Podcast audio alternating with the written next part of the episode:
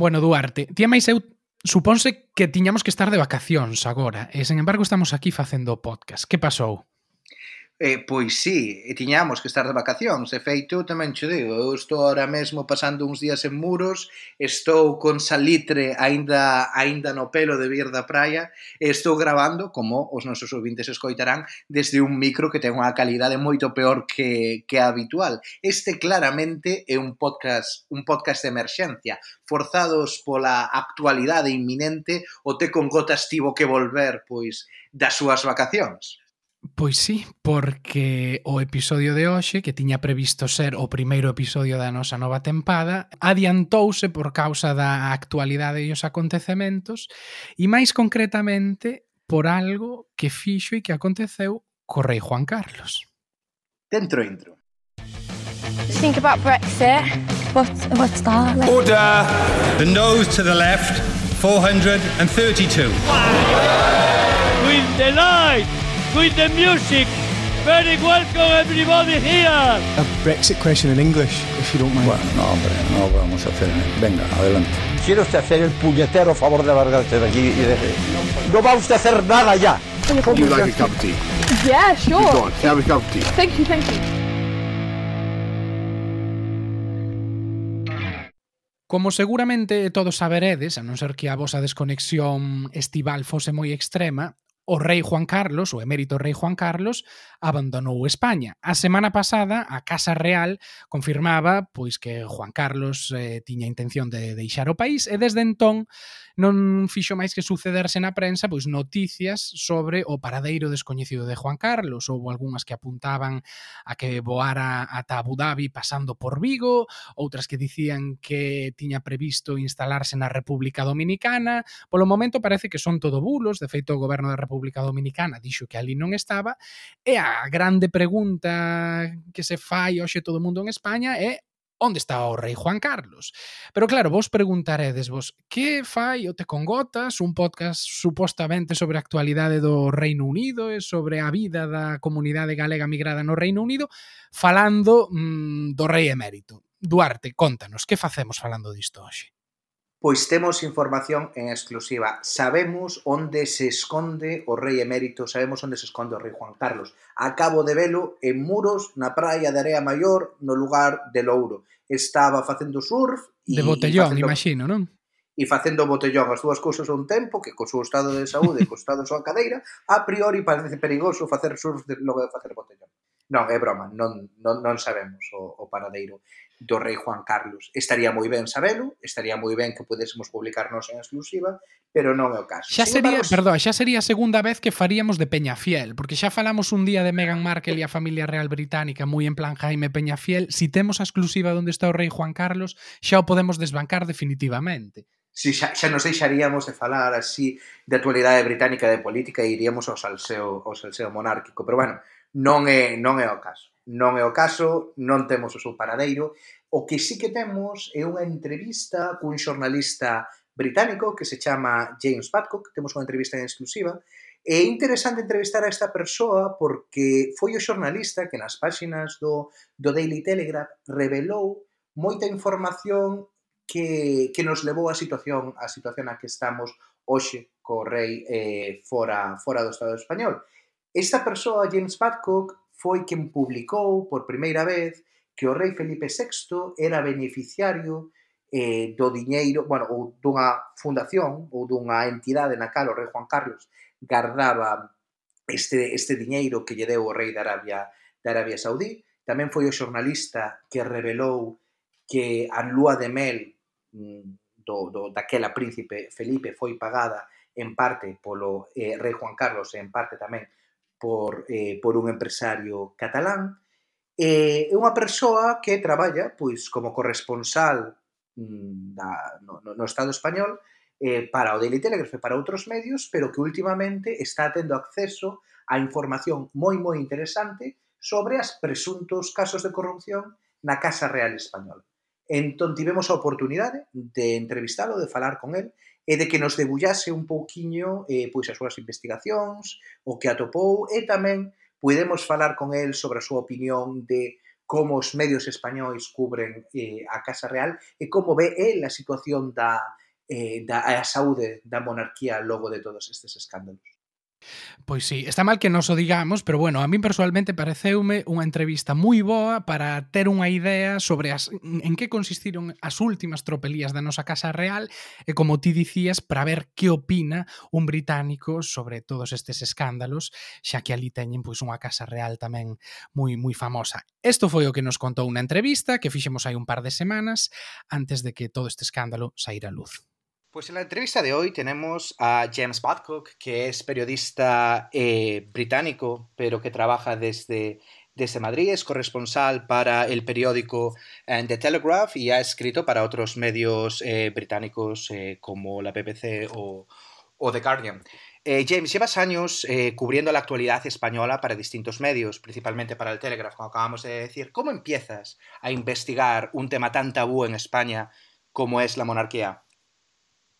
Sí, pues um, es un tema que a mí siempre me ha interesado sin saber que necesariamente yo iba a hacer un trabajo no tan a fondo tan importante eh, pero yo um, he leído mucho he leído gran parte de, de, de los libros que hay sobre eh, sobre Juan Carlos, sobre todo, sobre la monarquía en España, sobre los, la vida secreta, digamos, de, de Juan Carlos, que hay una literatura extensa Um, y siempre me ha interesado mucho y luego pues eh, un poco como hobby casi, ¿no? Porque yo trabajo eso, cubriendo toda la actualidad en España, no me dedico a, a periodismo eh, de investigación a, a, tiempo completo, ni mucho menos, pero como hobby sí que, uh, sí que buscaba uh, contactos, um, ¿no? Había intentado hablar con personas que me podrían guiar en este tema, que me podrían eh,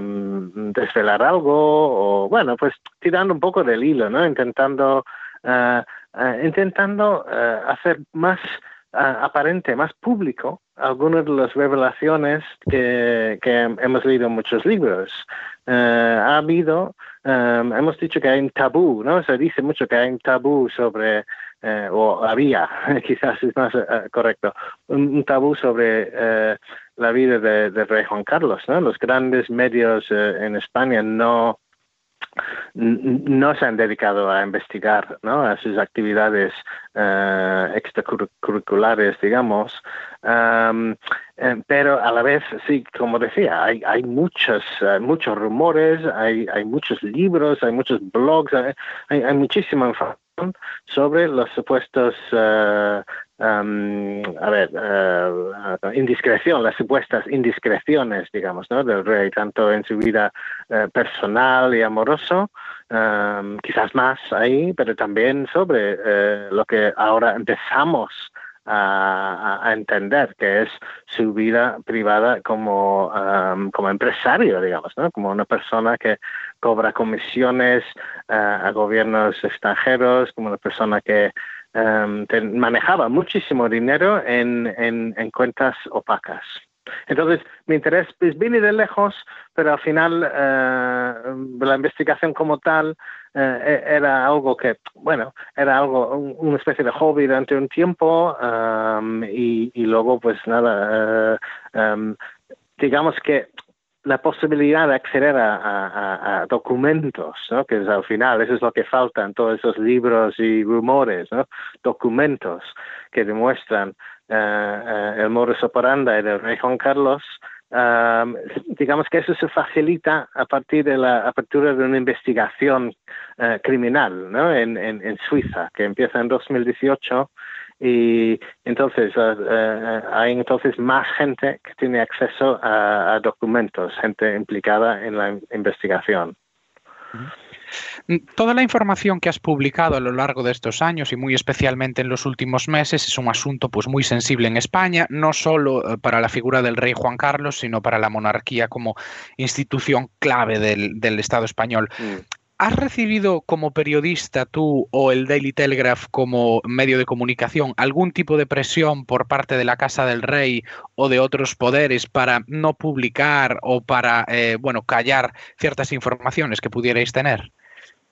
Um, no, no, yo personalmente no he recibido ninguna presión de la Casa Real y no he recibido mu mucha comunicación, digamos, de, la Casa Real. Um, nunca me han contestado ninguna de las preguntas que, uh, que, ¿no? que les he formulado al hacer cada pues siempre eh, le eh, doy la oportunidad, ¿no? Como es correcto, a la Casa Real de desmentir o de, de, de poner su criterio. Um, no, no recibo presiones. Para, por, de parte del periódico no, no puedo comentar, no lo sé. No, no, no, a mí no, nadie me ha comentado nada. Sí que... Um, Sí que noto a veces un poco de, bueno, hay un poquito de crispación, digamos, eh, eh, comillas, acerca de mi persona. O sea, noto un poco en redes sociales que hay, pues, eh, tengo detractores, digamos, ¿no? Um, um, y también hasta en un artículo publicado en el ABC, que es un periódico uh, muy antiguo, ¿no? En, en España, con mucha tra larga tradición, directamente me insulta, ¿no? Y no solo critica eh, los artículos y las revelaciones, eh, que los califica como chantaje en vez de investigación, sino que uh, me, insulta personalmente.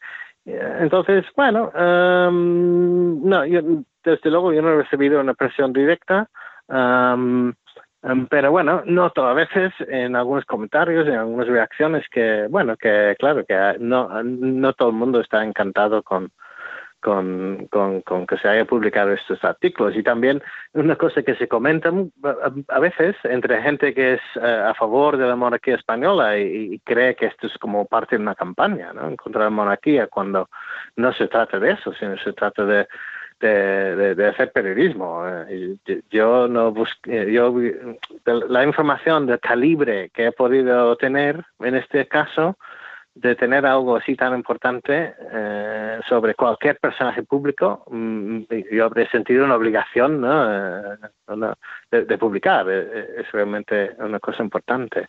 Um, pero bueno, ha, ha, habido ciertas dudas sobre por qué un periódico de corte conservador como The Telegraph uh, está, ¿no? está uh, atacando, uh, entre comillas, porque no es el caso, pero bueno, está publicando información que, que daña la, la, Casa Real en España, en España pues la respuesta es que no lo está haciendo Telegraph como política del periódico, digamos que es esto es una esto es un tema que que encontrar que, vamos que he buscado yo he tenido la suerte de encontrar uh, un poquito de petróleo no y, y, el Telegraph pues pues pues nada apoyado ha apoyado el periodismo nada más ¿Te, llama la atención que eh, después de haber desvelado pues, eh, datos tan importantes como la financiación de la luna de miel de, del príncipe Felipe, la Casa Real no haya eh, dado ningún tipo de respuesta a, a, tus, a tus preguntas? Mm. Bueno, uh, sí, no. O sea, se puede decir que sí, que sí, que son temas uh, de una importancia como para merecer una respuesta. Um, pero también entiendo, entiendo la estrategia de, Felipe VI. Felipe VI quiere, um, quiere hacer una gran distinción ¿no? entre su etapa como rey y la etapa de su padre. y, no, e, incluso cuando he publicado información que, con, que, en que sale el nombre de Felipe, digamos, es más bien de forma pasiva y de la etapa cuando no era todavía rey, ¿no? Es eh, nombrado como uh, beneficiario hereditario de algunos fondos, eh, recibe eh, dinero de su padre y a través también de una, de una empresa, ¿no? Supuestamente de un amigo del padre, pero que eh, por lo menos es sospechoso de ser un testaferro de, de su padre. Entonces, sí, eh, pero también es en 2004, se casó en 2004.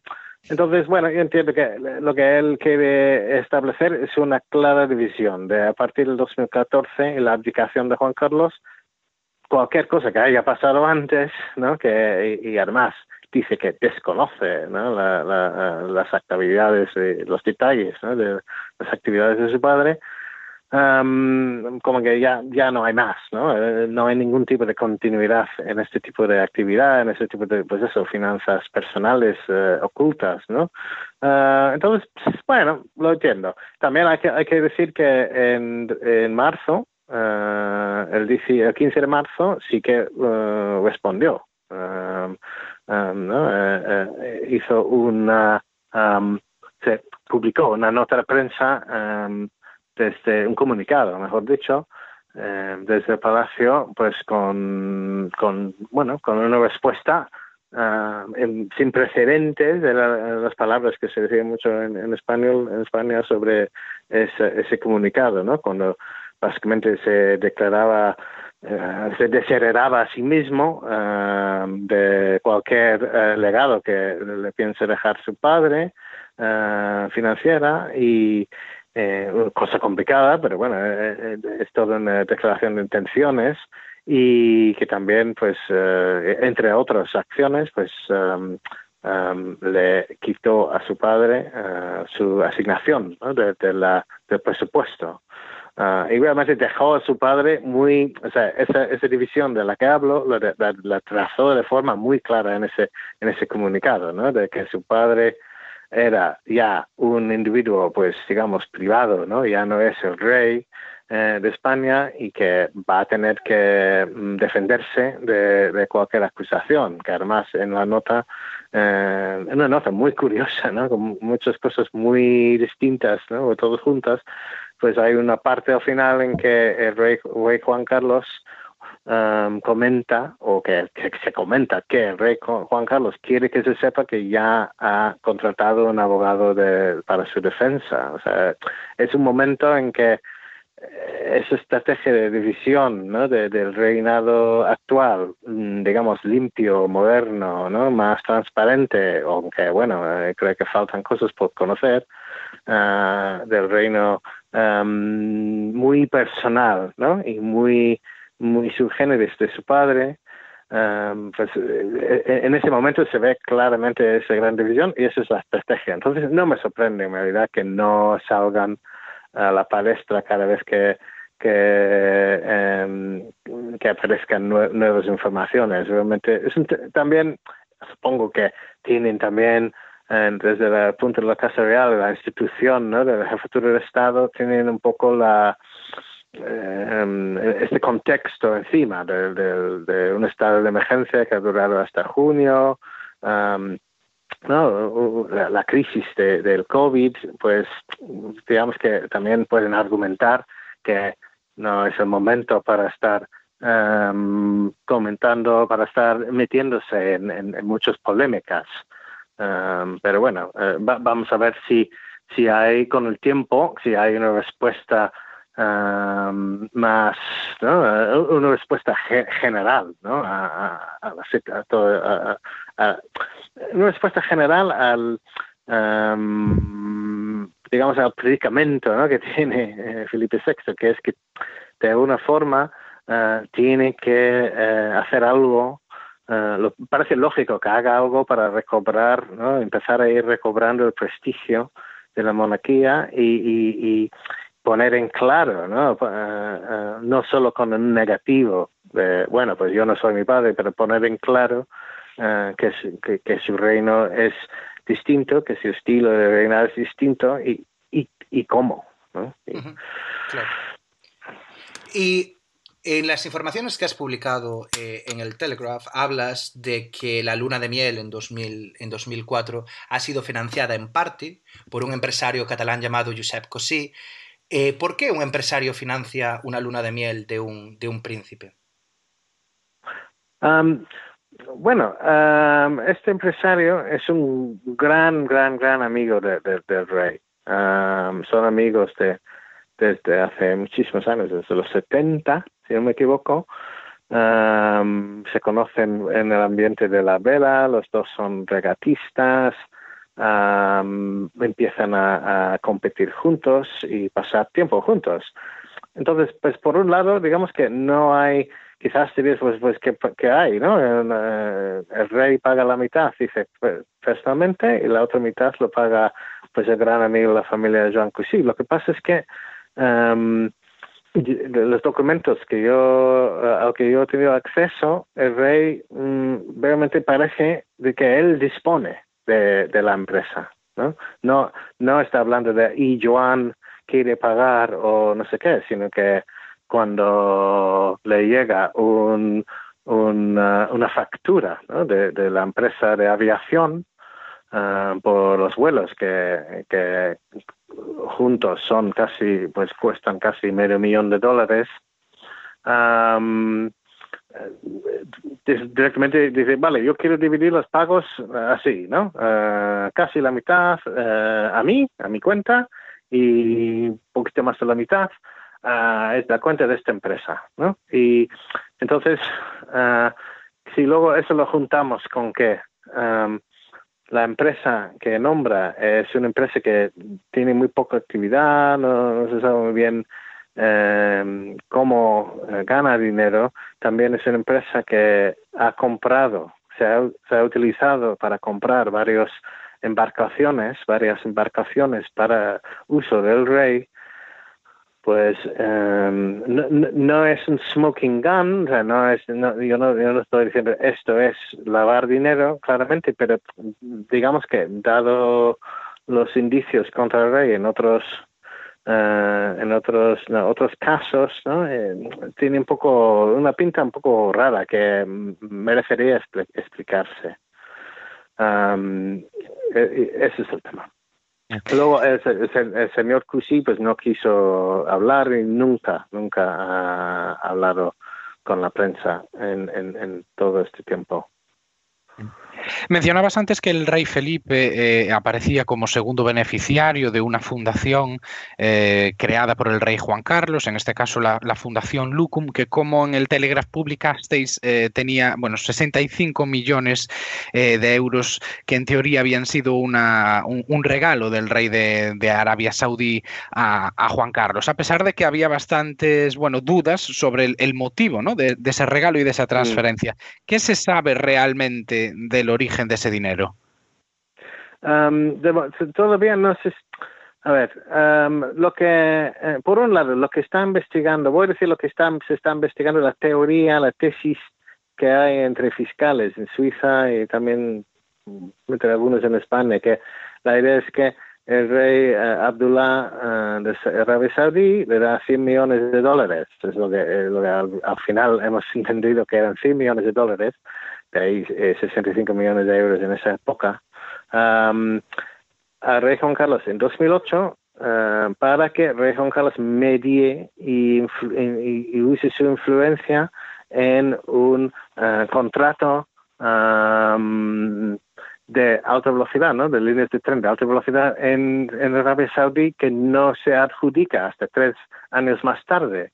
Pero la idea es que eh, la teoría es que le está dando una especie de anticipo a Juan Carlos para que él pues junte empresas españolas, para que, para que no pongan un precio muy alto y efectivamente un consorcio eh, dominado por eh, empresas españolas sí que se lleva el contrato y sí que con un precio mucho más bajo con sus competidores. Pero eh, yo creo que hay serias dudas sobre esa teoría.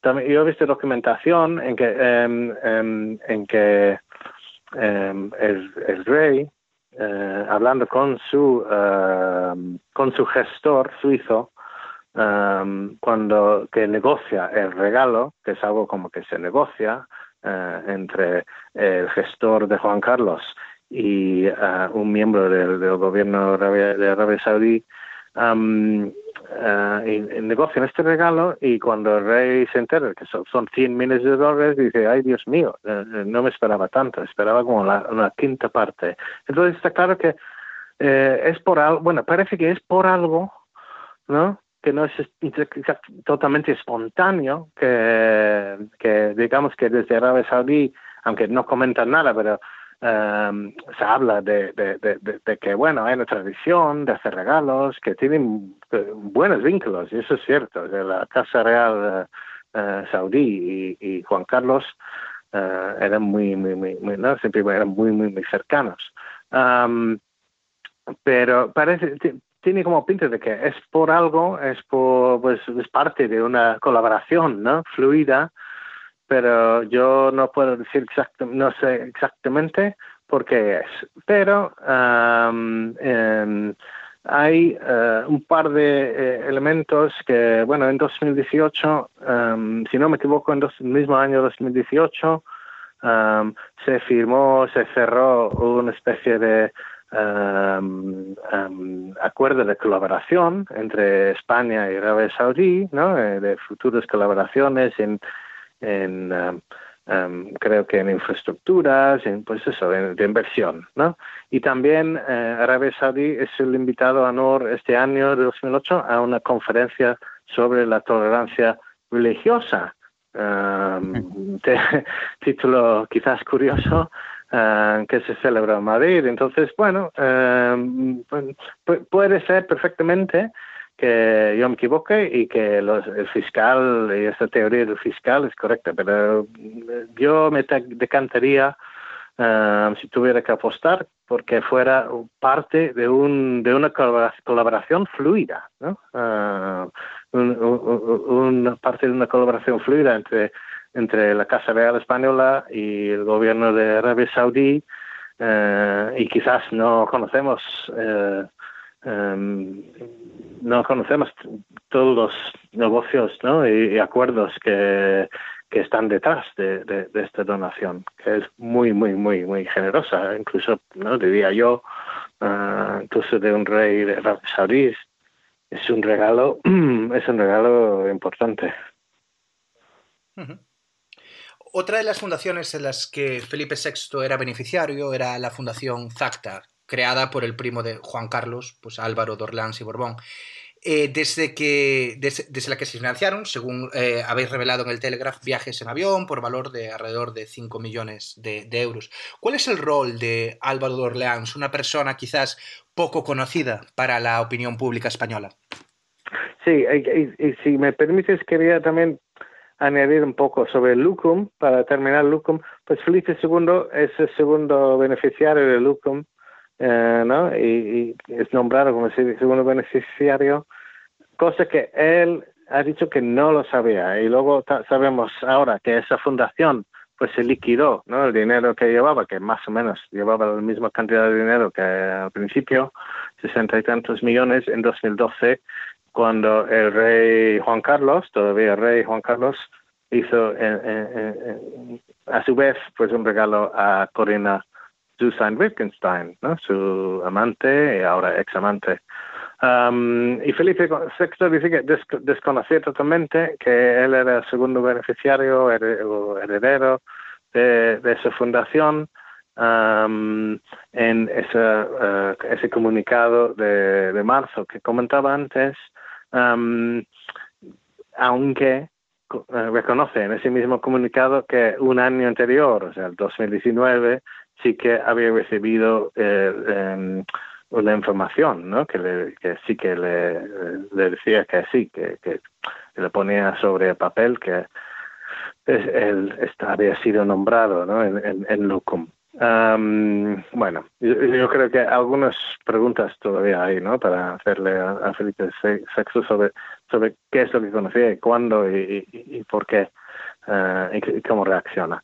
Uh, luego, el tema de pues, pues Álvaro Orleans um, es un amigo de, del rey uh, Juan, Juan Carlos, amigo y primo, primo um, también con sangre azul, um, algo Orleans de Borbón, pues uh, algún, yo no soy experto, yo recurro a Wikipedia en este tema, pero, pero vamos, sí está relacionado con casos reales, incluida la española.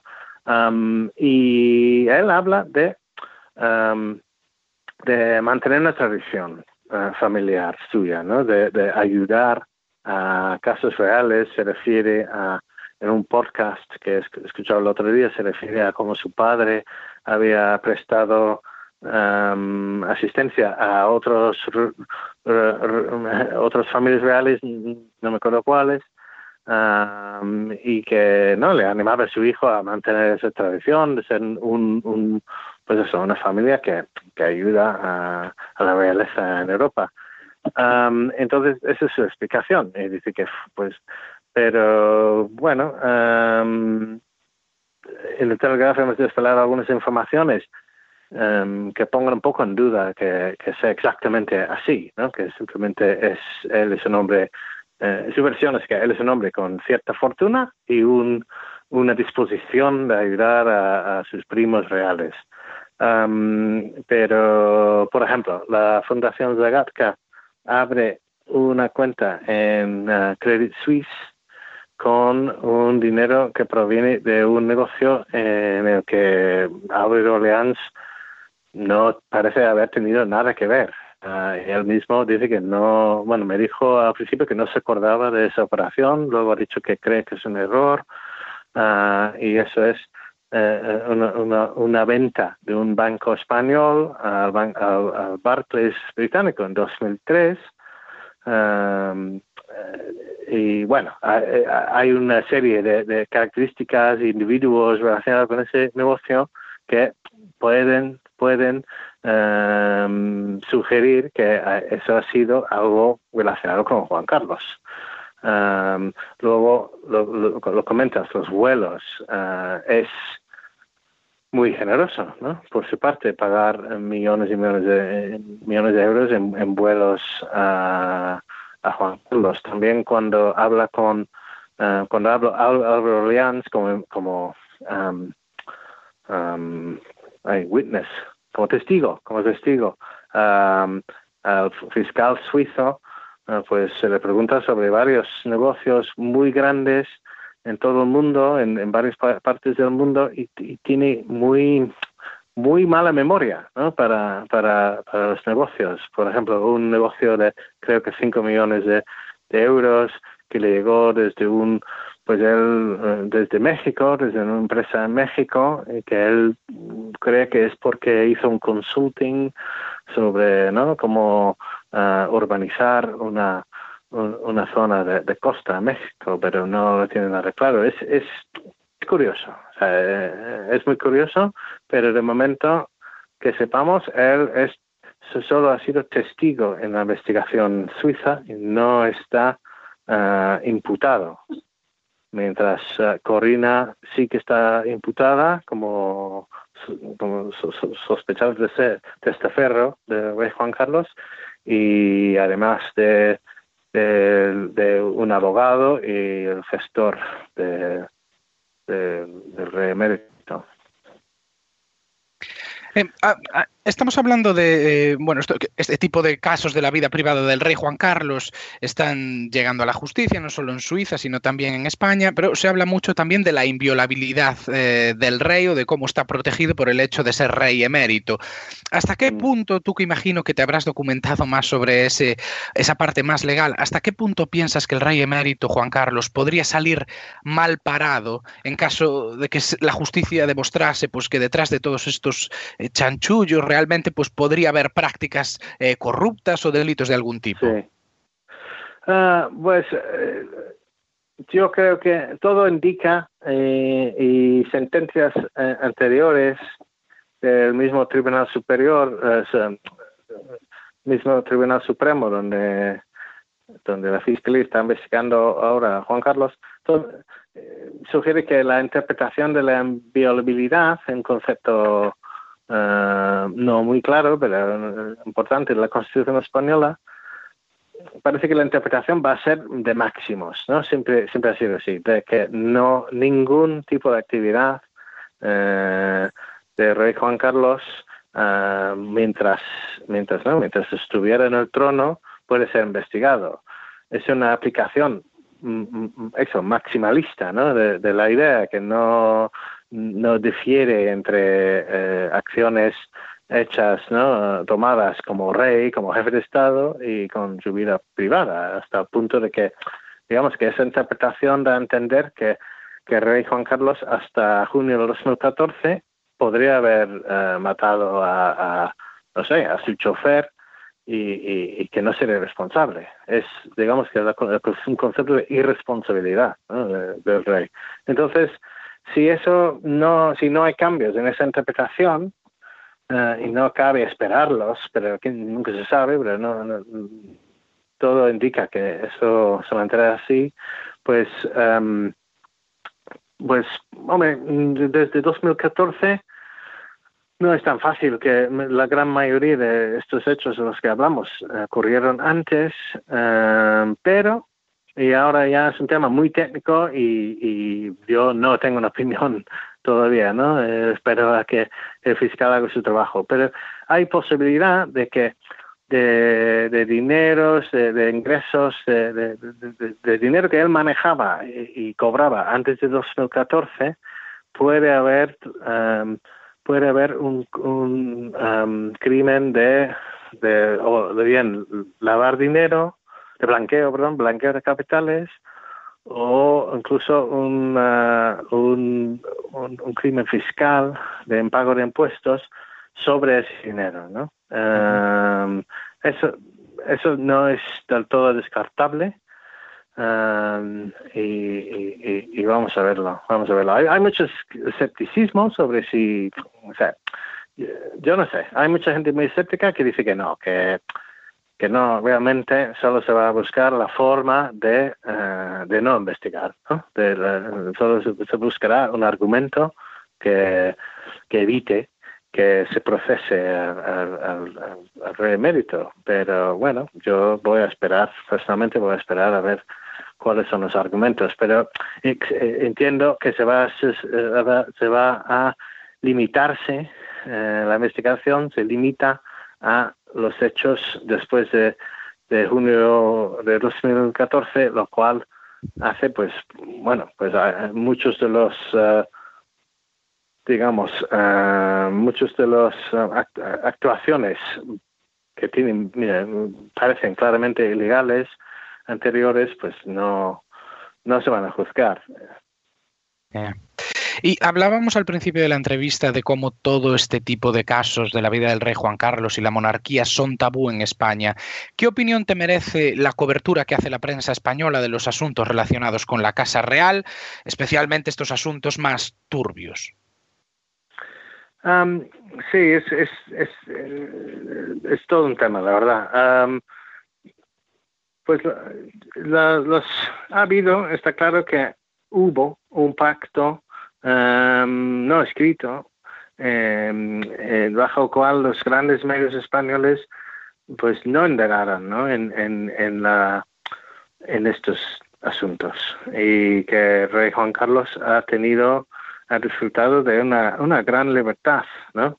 entre su inviolabilidad uh, penal y, y, la no actuación ¿no? De, la prensa, um, pues, pues eso, ha tenido una gran libertad de, de, actuación durante su reino y, su, su, su, forma de reinar muy, muy personal, muy carismática y, en, la que bueno, ha, mezclado negocios turbios con también muchas relaciones íntimas ¿no? que, también ha, podido mantener más o menos en secreto. Um, um, el, mi opinión es que ha sido un error al final. Mi opinión es que entiendo el contexto de Entiendo que en el año, en los años 80 había todavía mucho nerviosismo sobre 70, por no hablar de los 70, ¿no? Nerviosismo sobre el futuro de, de la democracia en España, sobre su solidez, sobre la posibilidad de aguantar escándalos, uh, etcétera. Pero con el paso del tiempo, mmm, yo creo que al final ha hecho flaco favor, ¿no? A, a, incluso a la propia monarquía. Y ahora eh, el pobre de Felipe VI, digamos, es, bueno, es el que tiene que lidiar ahora con esta situación, que hay una sensación de que hay de que ha habido, pues, gran cantidad ¿no? de, secretos, de asuntos turbios guardados y guardados no solo por la propia Casa Real, sino por la complicidad de, los gobiernos de, del, del día, uh, de los grandes medios, ¿no? Y, y, y, yo creo que es una gran desilusión para mucha gente ahora empezar a entender uh, hasta qué punto esto ha sido así. Y, y, Felipe VI tiene que ahora lidiar con, pues eso, eh, eh, con, la, con, con, esa desilusión. Y, además lo hace sin, um, sin, ese carisma, ¿no? Y sin ese, ese, esos dones, ¿no? De, de, de, liderazgo y comunicación quizás que, que tenía su padre. Entonces, bueno, um, es algo que, digamos que los, medios españoles, eh, um, sí, han sido, pues eso, han colaborado en un pacto Um, y es algo que ha sido una frustración que me consta para muchos periodistas españoles. Eh, eh, no, estamos hablando aquí de que ningún periodista español se haya atrevido a, meterse en estos asuntos, sino que eh, básicamente los medios no, no, no los han dejado. Claro. Y como, como un británico que conoce bien la sociedad española, ¿crees que estamos ante una sociedad quizás demasiado permisiva con su Casa Real o piensas que una sociedad o un país como el británico haría lo mismo con su monarquía? Um, ya, eh, eh, se me pregunta mucho por, las comparativas. Yo personalmente creo que... Mm,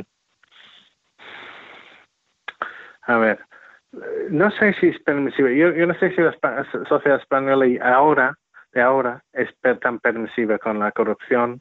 yo creo que está muy harta ¿no? de, la corrupción y, ver, eh, aunque no es la idea no es absolutamente nueva, ¿no? De que Juan Carlos haya estado en algunos negocios estúpidos, pero ver ahora el, el magnitud eh, si estamos de verdad viendo la magnitud, a lo mejor solo estamos viendo uh, el punto del iceberg, pero ver el magnitud de, de, de, eso, de los negocios turbios de Juan Carlos, yo creo que causa un, un desánimo importante. Y yo, yo no creo que haya tanta permisividad, pero sí hay, pero la reacción sí es más de bueno, es más de cinismo, ¿no? O sea, los españoles han visto como uh, la corrupción, como la corrupción ha, um, reinado, digamos, es poco exagerado, pero la corrupción ha, mm, eh, ha sido un, un, factor muy importante en varios, uh, varias administraciones públicas, desde la nacional hasta, hasta las autonómicas, Em, también entre empresas importantes. Entonces, bueno, em, claro, a lo mejor la reacción no es, em, no es clamorosa, porque, bueno, ya, ya está acostumbrada hasta cierto punto, pero es una desilusión más, yo diría.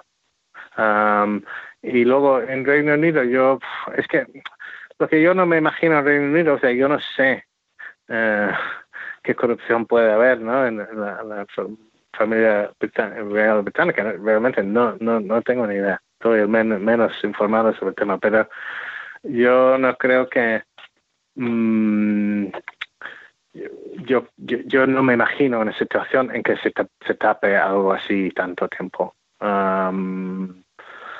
es que eso es lo que no, eso es lo que veo muy marcadamente diferente. Yo creo que los medios británicos no, no, no, se prestarían a ese juego y, y, desde luego no durante tan tanto tiempo. Entonces, es que no, no, no se daría una situación así, yo creo. Si, si hubiera una corrupción conocida, y pues saldría de luz rápidamente, yo creo.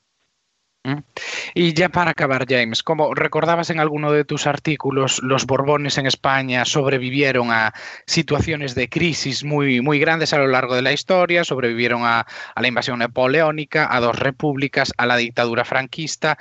¿Cómo crees que puede afectar este escándalo del rey emérito Juan Carlos a la familia real? ¿Estamos ante un punto de inflexión, ante, bueno, pues un posible cambio de régimen y pasar a una república o, piensas que podría sobrellevarlo de forma mucho más um, fácil o cómoda?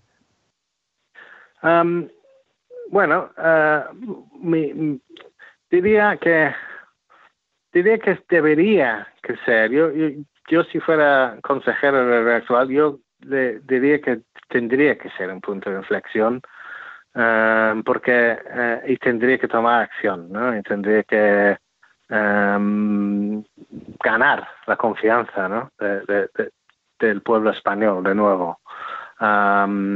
Porque la situación es, delicada. Eh, la situación de la monarquía eh, en España, apoyo a la monarquía no es muy fuerte. Mm, sabemos lo que sabemos, no, no sabemos exactamente eh, qué piensa la gente hoy en día, porque no hay encuestas, que es, supongo que es todavía un, un um, coletazo ¿no? de, ese, de ese pacto uh, no escrito, ¿no? de no, de no mm, molestar demasiado a, la Casa Real en, en, en, la prensa. No hay encuestas, pero las, las, encuestas que hay de vez en cuando tal, uh, muestran una sociedad bastante dividida entre republicanos y, monarquistas. Entonces, Um, si va a ser un punto de inflexión, pues ya, ya, se verá.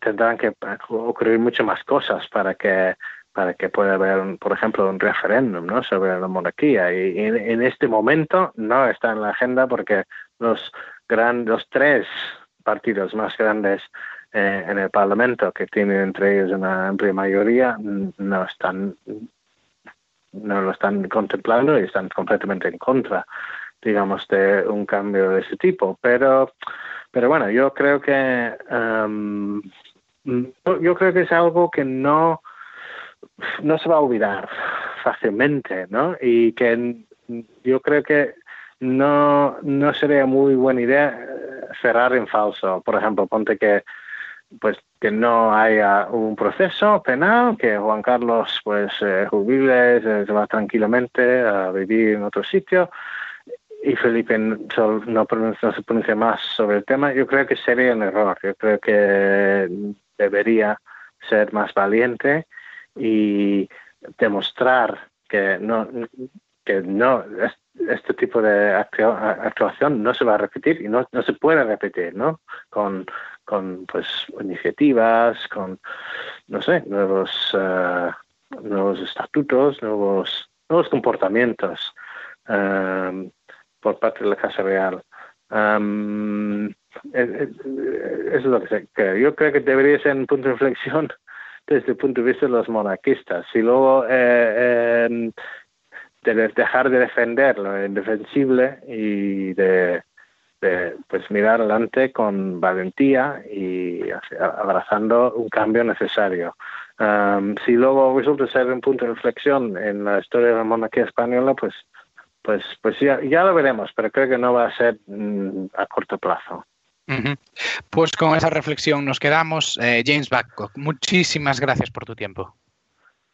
Gracias, gracias a vosotros.